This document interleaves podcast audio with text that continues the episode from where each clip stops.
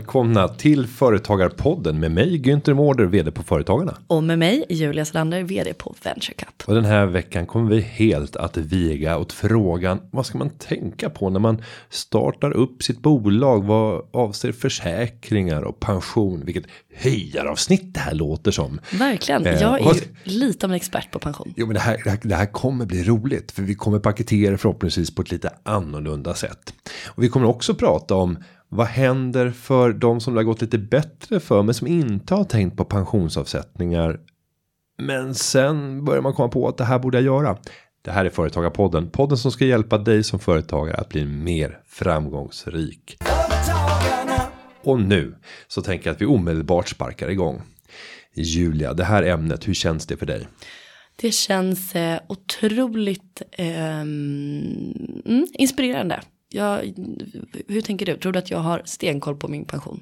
Det tror jag absolut inte. Men jag tror, men jag tror att du vet vem som sitter rakt över mitt emot dig. Det vet jag. Min termos i gryningen. Eh, är inte så att en fågel har viskat att du är någon form av pensionsexpert? Nej, nej, nej, nej, nej, nej, men vad säger du? Är det möjligtvis så att du sitter mitt emot årets pensionsspecialist 2014? Ja, det var ju helt sinnessjukt i sådana fall. Ja. Att det finns en sån titel Och eh, årets bankprofil året dessförinnan. Alltså, Och även årets mest ödmjuka person. Günther Mårder. välkommen. Så du menar alltså att vi ska bara prata om pension och jag ska ställa frågor till dig? Är det det här nej, jag tänker mig att vi tar in två stycken specialister. Åh, Gud vad skönt. som får berätta. Och jag tänker att vi kastar oss in och bjuder in vår första gäst. Ska jag presentera honom? Ja, men gör det. Ja, men han har 20 års erfarenhet som rådgivare inom pension och kapitalplaceringar med särskild inriktning på ägarledda bolag. Och det innebär att han jobbar väldigt ofta med företag som har rätt mycket kapital, men det är inte de vi ska fokusera på idag. Han är idag också en väldigt eftertraktad lärare runt om i landet där han utbildar företagare hur de ska klara av sin tid efter livet som företagare. Vi säger varmt välkommen till John Sundström, placeringsrådgivare Länsförsäkringar. Då säger vi välkommen till Jan Sundström, placeringsrådgivare på Länsförsäkringar. Tack. Eh, vi ska ju börja med att titta på den här typiska lyssnaren i Företagarpodden. Det är en ung person, ofta ett nystartat bolag.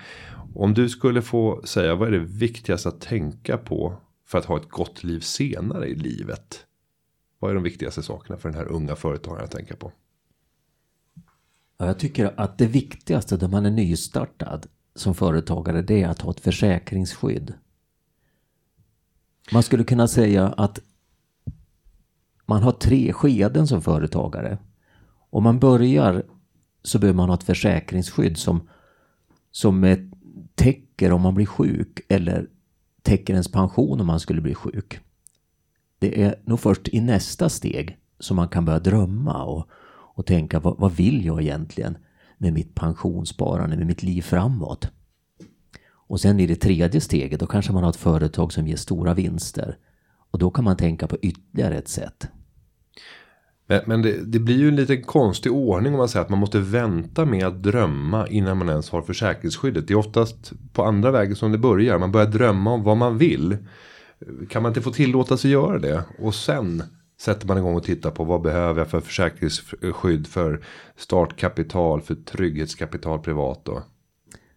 Jo, men det är nog sant. Att, att drömma ska man alltid göra. Och, och sen vill man ju något med sitt företag. Men det, det är ofta knepigt i början att få, få ekonomin att gå ihop.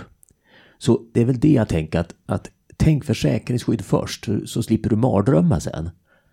Och vad skulle de här mardrömmarna kunna vara då? Ja, det, det kan ju till exempel vara att, att jag är 35 år gammal.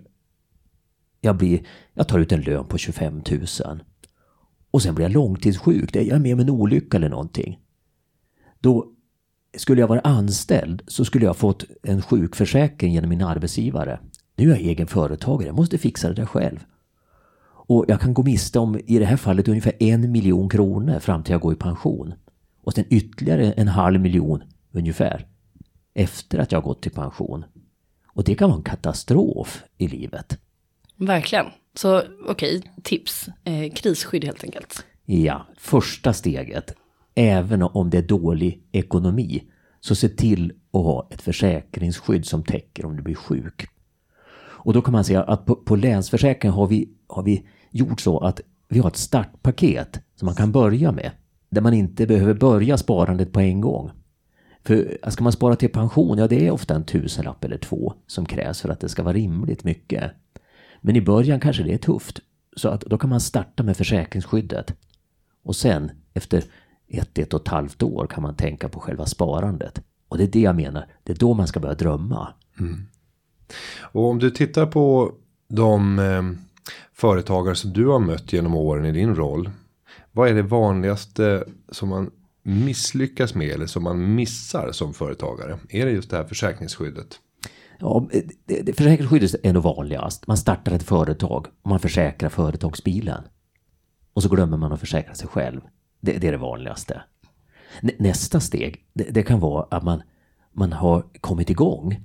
Och så tänker man att ja men nu, nu sparar jag väl bra. Man pr pratar med någon kompis som, som också sparar en tusenlapp i månaden. Och så glömmer man bort att tänka vad vill man egentligen i livet?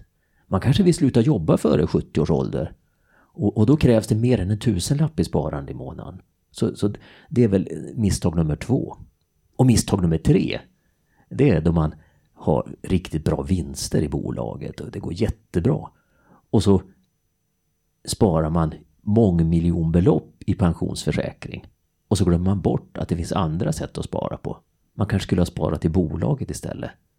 På annat sätt. Och när du säger spara i bolaget. Vad menar du då egentligen? Om vi säger då att man hade. Det har gått bra för firman. Du har höjt dina pensionsavsättningar till. Eh, kanske uppåt 10 000 kronor i månaden. Du har investerat de här i produkter som gett en bra avkastning. Och kanske nu sitter med 4-5 miljoner i, i eh, en framtida pensions. Ett framtida pensionskapital. Vad ska man tänka på istället då? För att fortsätta pytsa in de här 10 000 i månaden. Ja, vad bra att du nämnde frågan 4-5 miljoner. Eller sa, sa det. För, för jag brukar tänka. Om man har tänkt jobba till 65. Då ska det nog gå en liten larmklocka där man har fått ihop 3-4 miljoner. För annars blir det svårt att få ut de pengarna till bra beskattning. Mm. Men då kan, man då kan man till exempel spara en kapitalförsäkring i bolaget istället. Och så kan man ta ut de pengarna på, på ett annat vis. Man kanske kan ta ut det som aktieutdelning om man har slutat eller, eller man säljer bolaget och, och matar ut det med en annan typ av beskattning. Det kan bli så mycket förmånligare. Är det många som gör de här misstagen att man bygger upp för stora kapitalbaser i sitt pensionssparande? Jag kan tänka mig att det, det är ett lyxproblem. Ja, men, det... men ser du det ofta? Nej, Egentligen inte. Det, det, vanligaste, jag ser det då och då, men det, det, vanligaste är nog att man, man bygger upp för lite. Man tänker att man har några hundratusen i pensionskapital.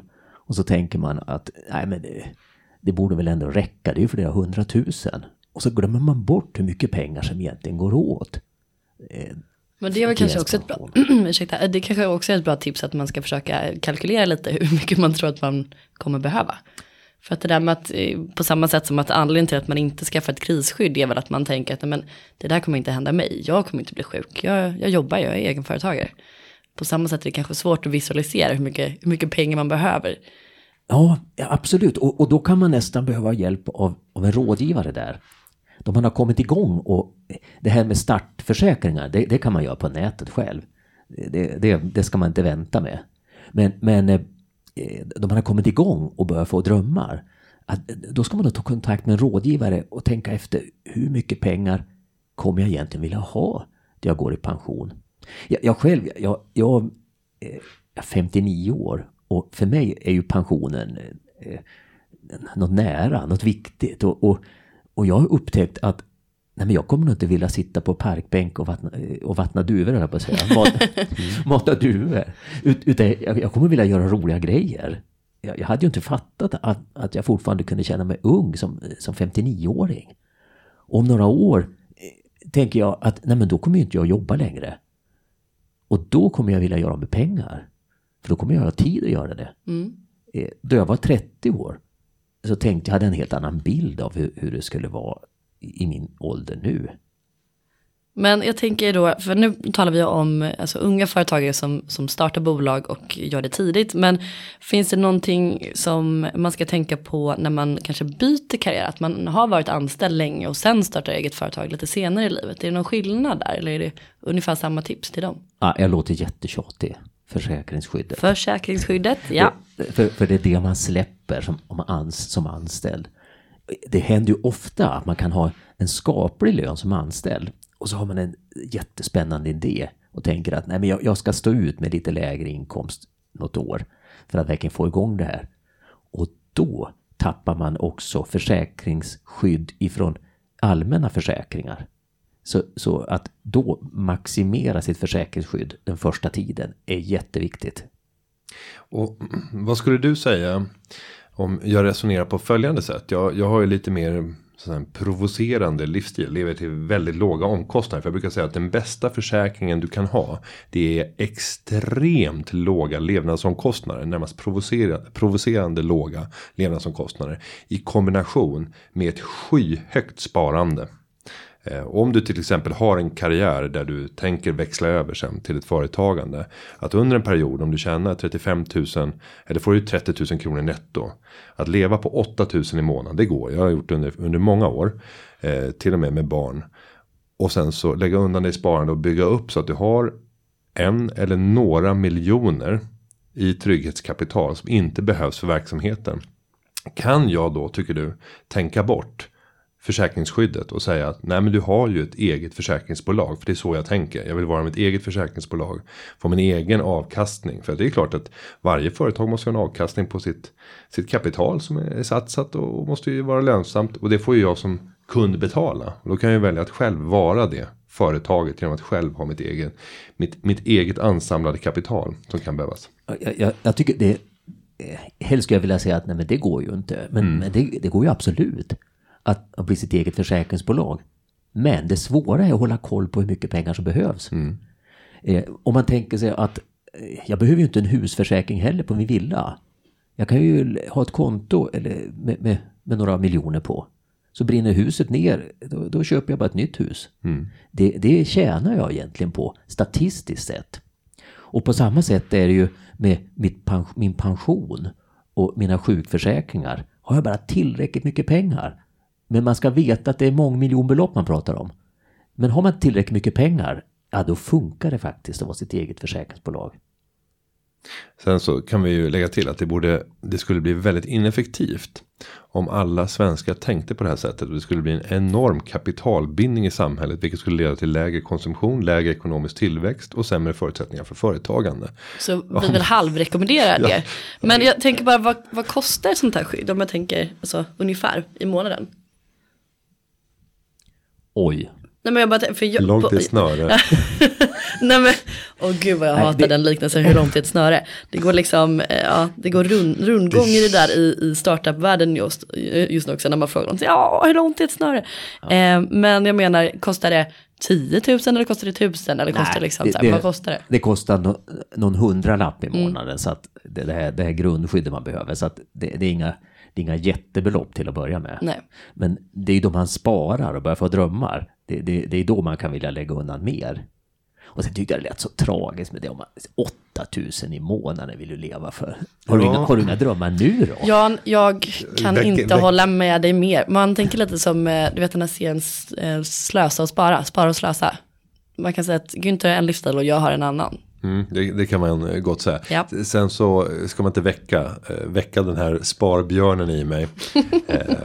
Nej, för i grunden så resonerar jag eh, kopplat till konsumtion. För jag testade ju på redan under mina ungdomsår att pröva att leva ut drömmar. Så när jag var 22 år hade jag min första Ferrari. Jag hade fått 10 000 i sparande från mina föräldrar i premieobligationer. Eh, och sen så blev det bra avkastning. Sen förlorade jag allt när jag var 18, byggde upp ett nytt kapital genom att jobba på bygget. Spara enormt mycket men investera rätt riskfyllt. Eh, men när jag liksom testar på de här drömmarna som många har så inser jag att nej, alltså när du väl har nått dit så börjar du redan jaga nästa dröm. Och om du lever det livet så kommer du bara hela tiden jaga upp mot nästa nivå av saker och ting och upplevelser som du hittills inte har fått. Men graden av tillfredsställelse eller nöjdhet eller, eller vällust den stiger inte med konsumtionen. Den Nej, är i princip vet du vad den stiger med? Den stiger med det här skyddet. Ja, den stiger med den, vad jag upplever själv, och det här kan vara olika, men det är graden av upplevd frihet. Och där kan ju försäkringsskydd vara någonting som bidrar till en ökad upplevd trygghet. Eh, Men just att göra alla de här sakerna, eller spendera pengar. Vi kan gå runt världen över och, ställa frågan från en skala till 1 till 5. Eh, hur lycklig är du? Och där finns det inget samband mellan eh, till exempel det materiella välståndet i ett visst land eller till och med i krigszoner så kan man se att eh, folk uppnår ungefär det värdet som man brukar ha kring 3,5. Sverige ligger lite under genomsnittet i, i världen. Ja, men man ska inte väcka den där björnen. Nej, det ska man inte göra. Jag, jag, jag tycker det här du sa om frihet, det, det upplever jag också med kunder som har skapat sig den här friheten och känner att nej men, ja, nu har jag kommit så långt att jag, behöver inte längre spara. Jag behöver inte ens tjäna pengar längre. Och då är det jätteroligt att jobba. Mm. Så ibland blir det lite märkligt att de som behöver det minst jobbar längst. Jo, och det är ju på ett helt annat sätt lustfyllt plötsligt då. Och jag, och jag tror att det är så med, med allting. Ta konstnärligt utövande. Jag drömde ju om att få göra en karriär som korist, alltså körsångare. Sen så vet jag att om jag hade gjort det så hade jag känt mig slav under försörjningen som körsångare. Och då tror jag att jag hade tappat så att säga, den skapande glädjen som finns. Tänk dig en konstnär som tvingas försörja sig, få bröd på bordet tack vare sin konst. Då kommer du behöva göra avkall i ditt konstnärliga yttrande. Bara för att se till att göra sånt som säljs. Inte sånt som du själv vill skapa. Utan sånt som marknaden vill ha. Det där är ju en annan diskussion som vi kan ta längre. För att jag håller gör med, jag men gärna. ändå inte. Alltså. Jag tror att eh, vissa ramar kan skapa struktur. Mm. eh, som man kan behöva. Men det är lite som när man får typ boktips av någon. Det är det värsta jag vet. Alltså det är ju det är trevligt. Men jag känner så här, Jodå, du måste, du måste läsa den här. Den har, den har förändrat mitt liv. Då blir jag så otroligt osugen. Jag tänker inte läsa den där. Nej men jag vill, nej. Jag vill inte förändra mitt liv. Nej men, nej men mer så här, jag vill väl upptäcka mina egna böcker. Jag vill att de ska tala till mig och så ska jag liksom, ja, ni fattar. Eh, så att jag, ja, mm. det är en annan diskussion ja. Ja, Den slipper du vara med i. men, Men, men jag, tror på, jag tror på drömmar nu och drömmar sen. Ja. Det tror jag är jätteviktigt, för det tror jag gör en lyckligare. Och sen behöver inte drömmarna kosta pengar alltid. Nej, det är väldigt sällan så när man tittar tillbaka i livet. Att de roligaste, lyckligaste ögonblicken har nästan aldrig inneburit att det har kostat jättemycket pengar. Så har det inte varit för mig i alla fall. Men glöm inte försäkringsskyddet. nej, Men med det ska vi tacka Jan för att du kom till Företagarpodden. Tack ska ni ha. tack. Och där är vi tillbaka och Jan har lämnat studion. Några reflektioner från din sida, Julia? Men jag tyckte att det var väldigt behagligt och jag kände att ehm, lite reality check, jag måste nog gå hem och kika lite på pensionen. Men mm, jag tycker det var väldigt bra konkreta tips. Och jag tänker mig att vi ska fylla på med ännu fler tips Nej, och omedelbart kasta oss in i nästa intervju. det gör vi. Nu har vi nämligen bjudit in en person som under sin tenniskarriär toppade som vad han säger själv tvåa till trea. Det är alltid lite flytande på sig tvåa till trea på rankingen i Stockholm, vilket betyder en 16 plats i rankingen i Sverige för sin årgång. Eh, han har varit egenföretagare och jobbat med pensionsrådgivning i över 20 år på bland annat Skandia och på Max Mathisen. Idag så är han på Söderberg och Partner och är pensionsrådgivare. Vi säger välkommen till Pierre Gylling. Då hälsar vi Pierre Gylling, pensionsrådgivare på Söderberg och Partner. Välkommen till Företagarpodden. Stort tack. Du har ju själv varit företagare och drivit bolag. Om du skulle få börja med att säga vad har varit det roligaste med att driva bolag? Vad gjorde du? Jag ska säga, nu har jag ju drivit bolag i lite drygt 12-13 år, så jag ska försöka rekapitulera eh, hur det var i början där lite grann. Eh, Jag tyckte att, att kunna få en, en rak avkastning på din egen insats tycker jag var väldigt spännande till en början. På gott och ont. Nu pratar du lite finansspråk, en rak avkastning En rak på din egen av. Jag försöker hålla, hålla den tråden direkt. Dish. Duscha. Äh, men, men lite så att, att beroende på hur mycket tid och, och kraft och hur duktig du var i, i, i det du gör, gör helt enkelt så, så slog det olika. Jag har ju bakgrund som gammal tennisspelare, individualist, eh, spelare i, i, singel och sådär. Så att det här blev lite mitt nya tävlingsmoment. Att bygga mål och, och, och hela tiden kunna eh, korrigera saker som inte kanske har gått så naturligt men ändå liksom ge sig, ge sig ut hela tiden. Jag tycker det har varit en otroligt spännande resa. Framförallt i en början, den bästa tiden i mitt liv måste jag säga. Men var det så att den största utmaningen egentligen var pensionen? Och det är därför du känner att nu måste jag börja ta tag i det här?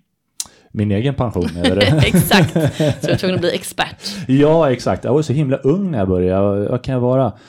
Eh, varit 26-27 år eller någonting sånt där var jag. Och eh, pensionen i sig kanske inte ligger längst fram på bordet. Det är väl många som känner, känner igen sig i det då. Men jag hade jobbat i 5-6 år med de här frågorna så att kunskapen var väl hyggligt hög inom området och jag såg att det fanns väldigt mycket man kunde hjälpa eh, både privatpersoner och företagare med inom det här eh, området och det är alltid klart att det är roligt att kunna jobba med någonting som, där man tillför.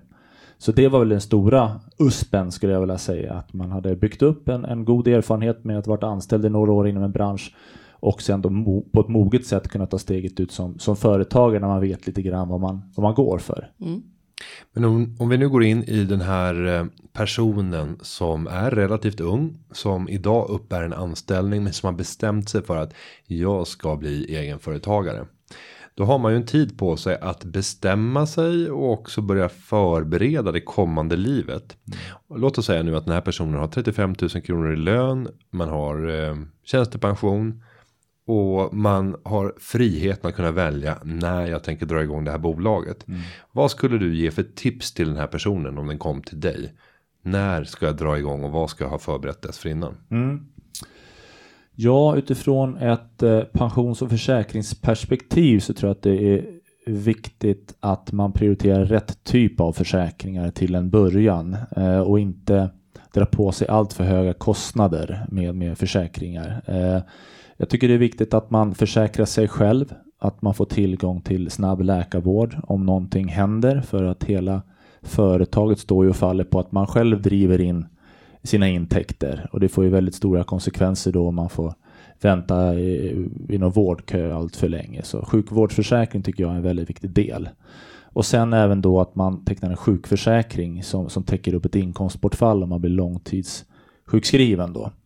Och då pratar man kanske om en budget på runt 800 till 1000 kronor per månad för de här två försäkringarna om man ska ha riktigt bra sådana försäkringar. Sen tycker jag när man har drivit upp en viss omsättning, man har börjat tagit ut en, en, en lön, eh, kanske uppåt 30-35 000, då kan man börja tänka på pensionsavsättningar. För det är viktigt att börja ta ut en lön först, primärt innan man eh, lyfter pension helt enkelt. Så stegvis eh, börja med att försöka hitta en ganska sund privat kostnadsbild så att du inte behöver, vad ska jag säga, eh, ta ut allt för höga kostnader i form av lön på företaget utan du kan bunkra lite grann och eh, sen då börja med rätt typ av försäkringar sen bygga lön och sen till slut bygga pension. Men det bör inte ta allt för lång tid. Mm. Nej.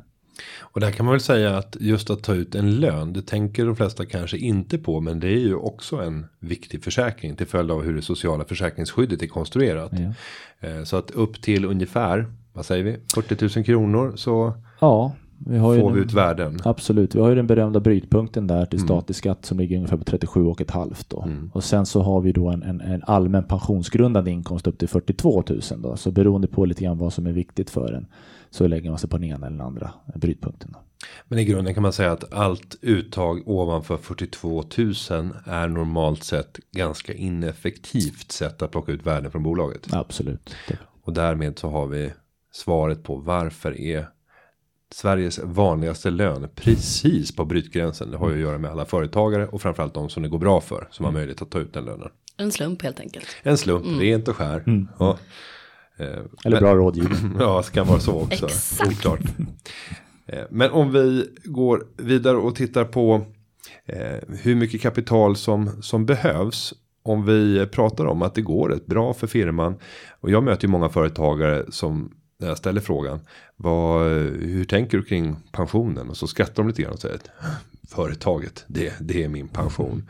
Och sen kanske man köper en en eh, fastighet, inte nödvändigtvis en verksamhetsfastighet utan nästan vanligt att man köper en hyresfastighet mm. som sitter och, och taktar. Vad tänker du kring hur man disponerar liksom ett framgångsrikt företagande och pengar som finns då över? Hur ska man tänka kring att placera de här medlen? Jag tycker nog att, att eh, man ska sprida på graserna. Klassiskt svar då. Eh, man ska inte ha alla sina pengar i en pensionsförsäkring. Man ska inte ha alla sina pengar i en hyresfastighet. Eh, man ska heller inte ha alla pengar på, på banken. Utan jag tycker man ska sprida på graserna. Hyresfastighet innebär ju en, en, en intäkt idag så att säga. Pensionen handlar ju om en intäkt längre fram när man inte har någon verksamhet som man, som man driver så täcker ju helt olika syften. Och därför bör man ha både och i sådana fall. Man ska kunna ha ett företag som går så pass bra så man kan unna sig båda delarna.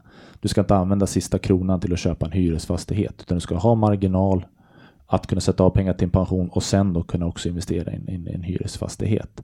Eh, sen tåg, tågordningen så är en hyresfastighet lite mer kapitalkrävande än vad en pensionsförsäkring är där du kanske avsätter ett antal tusenlappar per månad. Och det bör kunna gå in i den generella omsättningen och, och, och sen så bygger en marginal för, för andra investeringar också. Och för den som eh, är lite äldre då som företagare och inser att eh, jag har faktiskt inte betalat in till min pension. Och med stigande ålder så, så blir det med stigande förvåning som man loggar in på minpension.se och ser att det var, såg rätt risigt ut. Mm. Om man är 50 år och mm. drivit företag i 20 år, gjort det med rätt hygglig framgång. Mm. Eh, vad ska man tänka på då för att snabbt kompensera för det man kanske har missat åren, åren innan? Beroende på hur bra företaget går då, men om det är fina vinster i bolaget så kan man ju göra en större av, avsättning då till pensionen och yrken, någonting som heter kompletteringsregeln. Det innebär att du köper ikapp pensioner som du inte avsatt för tidigare då. Eh, och beroende på, det är ju lönen som ligger till grund för hur mycket du kan sätta av i den här kompletteringsregeln då, men, men eh, eh det är inte helt ovanligt att man kan få undan ett par miljoner i en engångsavsättning då och göra avdrag för hela den kostnaden då under samma räkenskapsår. Då. Och det är väl ett bra generellt tips att logga in på min pension. Det är väldigt mycket svårare för någon som är egenföretagare. För det finns inte samma jämnhet i lönen och vilka avsättningar som görs. För du kan ju styra mycket av det där själv. Men att i alla fall gå in, titta på vad säger prognosen? Sen kanske prognosen faktiskt har felaktigheter i sina antaganden beroende på vad du har tänkt framåt. Men att sen sätta dig ner med någon som är kunnig för att ta en diskussion om Stämmer det här överens med den verklighet som du förväntar dig eller vill mm. möta mm. där i på ålderns vår. Mm. Varför vill alltid säga ålderns höst? då, då sitter man och tänker, vad är vintern? Ja, precis. Blir det värre? När allt är över. Det är döden. Ja. Men eh, fråga till dig. Vad, hur, när började du pensionsspara? Ja, jag fick ju mitt första vd-jobb när jag var 24. Mm. Så, så, där började ju. Och jag menar, dessförinnan jag jobbade ju som, som städare på bygge från att jag var 15. Så redan där gjordes det ju avsättningar. Från att du var sju i princip. Nej, men, men, men från 15, även om det är extremt små belopp som, som avsätts, då är det den allmänna pensionen. För sen måste du upp till 26 års ålder va? Innan, eller 27, när du fyller 27 som tjänstepensionen börjar ticka in. 25. 25, ja.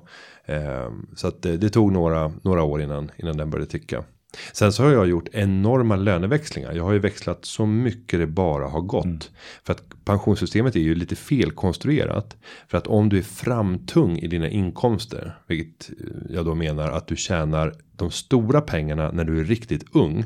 Låt oss säga att du står beredd att jobba häcken av det. Mm. Alltså du har inte två jobb utan du har tre jobb. Mm. Och du tjänar 25 000 eller 30 000 på varje jobb. Så du har 90 000 inkomst. Och sen löneväxlar du allt vad du kan. Då räcker det med att du gör 7, 8 sådana år. Mm. Om du har låga levnadsomkostnader. För att kunna gå i pension 15-20 år tidigare. Mm. Till följd av ränta på ränta effekten som kommer på det kapitalet. Mm. Som sen kommer kunna få avkastning på, på marknaden. Mm. Kanske då 30 år istället. Så att många glömmer att det viktigaste är att jobba hårt och att ska man, ska man löneväxla så är det väldigt fördelaktigt att göra det tidigt. Men det står i konflikt med bostadsköp, mm. familjebildning. Mm. Och många gånger så är just pengar idag mer värda mm. än pengar från att man är 55 eller mm. över. För det är mm. tidigast som jag får komma åt de här. Absolut, det är väldigt intressant och det är precis så som företagare gör. De löneväxlar genom att hålla ner lönen mm. och i regel avsätter mer till, till pensionen. Och det räcker med ett antal sådana bra år för att kunna liksom komma ikapp det man har missat sedan tidigare eller hamna på rätt, på rätt nivå. Då. Många tänker ju också så här att eh, eh, eh, brytpunkten är en ganska behaglig nivå att, att, att ha. Och Och den ska man ju även då ha när man går i pension. Då. Så att ett, en målbild kan ju vara att spara ihop så pass mycket pensionskapital så att när man ska ta ut pengarna, att man då ligger precis under brytpunkten för statlig skatt. Och sen, och sen tycker jag att han, mycket handlar om att kunna maximera risktagandet. För att få en avkastning oavsett om det handlar om ditt företagande eller om dina investeringar. Så måste du våga ta risker. Och om du då vet att du har gjort avsättningar tidigt när det gäller din tjänstepension. Vid 55 års ålder kan du börja plocka ut den. Mm. Så där finns det en kontrollstation. Så att när du är 40 år då vet du att om 15 år då kommer det en räddning. Mm. Om allting skulle skita sig. Då kan jag börja plocka ut den där räddningen. Mm. Och det gör att du vågar ta högre risker vid det läget än om du inte hade haft den där räddningen som fanns. Mm. Många gånger så kommer man heller inte behöva nyttja den där räddningen mm. för att avkastningen bär frukt. Mm. För över tid så kommer det generera bättre avkastning mm. oavsett om det handlar om operativa risker i verksamheten eller om det handlar om finansiella risker att du tar högre risker i din portfölj. Och det är just fördelen med tjänstepensionen att du kan lyfta dem så pass tidigt som vid 55 års ålder nu när man höjer åldern för den allmänna pensionen till 64 och successivt så har du ju inget annat stöd om du vill nu kunna trappa ner lite tidigare än din tjänstepension de facto. Tror, tror du att det kommer att fortsätta vara så? För det gnälls ju lite grann kring möjligheten att plocka ut vid 55. Mm. Jag, jag, gissar mig till att det är svårt att bry, bryta ingångna avtal. Mm. Men när det gäller nya insättningar. Mm. Att det inte kommer att gå att plocka ut vid 55. Det är min känsla också. Absolut. Så att uh, ha det i åtanke. Och det har ju hänt faktiskt att man har ändrat på ingångna avtal också. Mm. Det så har det ju varit med vår pensionsålder till exempel. Men det är inte en, en sån typ av avtal där du själv har gjort avsättning. Utan det är vi betalar in skatt eller via arbetsgivaravgiften och sen går den vidare till socialförsäkringssystemet och den allmänna pensionen. Mm. Men man brukar ju säga om man är anställd att så här, okej, men det är så komplext med pension och det tar vi senare och det viktigaste är att du har ett jobb och se till att din arbetsgivare, men de avsätter pensionen till dig och så brukar man kanske nöja sig med det. Mm. Jag tänker att generellt så är egenföretagare oftast mer ansvarsfulla och vill skapa sin egen lycka. Men hur, hur ser du, de som kommer till Söderberg Partners, har de, har de bra koll? Eh, tyvärr inte. Eh, det blir ju en liten uh, utbildningssession då första mötet kan man väl säga. För mm. att, att uh, man kan vara nöjd med att ha bockat av det här med att jag har en sjukförsäkring, jag har en pensionsförsäkring, jag har kanske en sjukvårdsförsäkring. Men när det gäller pension så vet man inte riktigt varför man har valt den nivå man har valt. För det första, för man är helt utlämnad. Man följer ju ingen policy. Man, man, man tar ju besluten själv och så har man fått ett råd från någon kompis eller någonstans ifrån. Och så, så ställer vi då kontrollfrågor under de här mötena och säger vad är tanken med det här sparandet som du har? Varför sparar du inte mer eller varför sparar du inte mindre? Nej, men det var, jag blev rekommenderad. Och då blev man rekommenderad från sin då kära kollega då som har helt andra förutsättningar i sin verksamhet och fått råd utifrån det. Så att det blir en, ofta en väldigt stor revidering vi behöver göra eh, under de första, första sittningarna med, med företagarna. Så att svar på frågan är nej, de, de flesta har inte koll. Det måste ju vara otroligt roligt. Att man kan bidra, tänker jag. Skapa värde. det är det som får en att vara lite mer lycklig när man går upp på morgonen. Ja, mm. Härligt. Jag känner mig lite sugen på att kanske eventuellt börja tänka på min pension. Men jag är så otroligt ung så det är långt kvar. Ja, du är så himla ung nu. Nej, det ja, är faktiskt inte heller. Nej, men med det, med det nyvunna intresset från, från Julias sida så har det blivit dags för oss att Tacka Pierre för att du kom till Företagarpodden och delade med dig av dina kunskaper. Mm, tack, det är trevligt. Och där har vi även tackat av Pierre. Mm. Och vad Julia. tänker du? Nej men ja. Günther, vad tänker du? Vad du, tänker som, jag? Ja, men du som ändå var expert innan, känner att du ändå har blivit berikad ännu mer? Jo, eh, framförallt det här med 25 år. Kommer du ihåg 25 år? Gränsen för tjänstepensionsinbetalningar. Mm. Eh, jag har nog levt i en annan föreställning. Årets pensionsspecialist 2014 har levt i en vanföreställning. Vad är upp och vad är ner i den här ja, världen egentligen? Det är helt galet. Ja, du får nog lyssna på avsnittet i efterhand så att du får repetera in. Nej, Kanske sen, har du möjlighet att bli årets eh, pensionsexpert 2019. Det, det kanske är så. Vem, vem ger ut den här utmärkelsen? Eh, det är pensioner och förmåner. Ja, det är min mamma. Ett nyhetsbrev. Nej, det är inte din mamma. Det är branschens speciella. Din mamma. Din mamma? Nej, det är inte min mamma. Nej, men det är. Tänk att pension är så kul så vi blir fnissiga en, en, en, nördig, en nördig grupp av pensionsnördar mm. som träffas eh, på olika seminarier och som får ett nyhetsbrev med uppdateringar om vad som händer inom pensionsvärlden. Eh, och enda skälet till att, att jag och John Dinkenspiel vann det här priset. Det var för att vi själva hade en väldigt stor anhängarbas som gick in och röstade. Eh, via vår gamla podd Sparpodden. Så vi fick ju tusentals lyssnare på Sparpodden att lägga sin röst på oss. Och det gjorde att ingen av de riktiga pensionsspecialisterna hade en, överhuvudtaget en chans att vinna. Men å andra sidan, vi hade nått ut när det kom till pensionssparande på ett rätt bra sätt. Vi hade ju då på toppen 65 000 lyssnare. Så det är klart att vi pratade ju med mer pensionssparare än vad någon enskild annan pensionsspecialist gjorde. Så jag tycker ändå att vi var välförtjänta Men priset. självklart, och sen är det väl så att man skapar väl sina förutsättningar själv. Ni hade en plattform och ni använde den. Ja, de bad oss rösta. Folket röstade. Folket avgjorde. Men jag hoppas att du som företagare och blivande företagare har blivit lite mer upplyst och fått eh, mer som man säger kött på vaden. Mm. Och glöm inte den här försäkringen. Det kan vi väl ändå säga i summa summarum. Ja, så kan man nog säga. Och med det ska jag säga att podden den har förberetts av David Hagen och klippningen den är gjord av Gustav Dalesjö. Tack för den här veckan. Ha det! Morsning. Företagarna, ja, ja, ja, ja, ja, ja.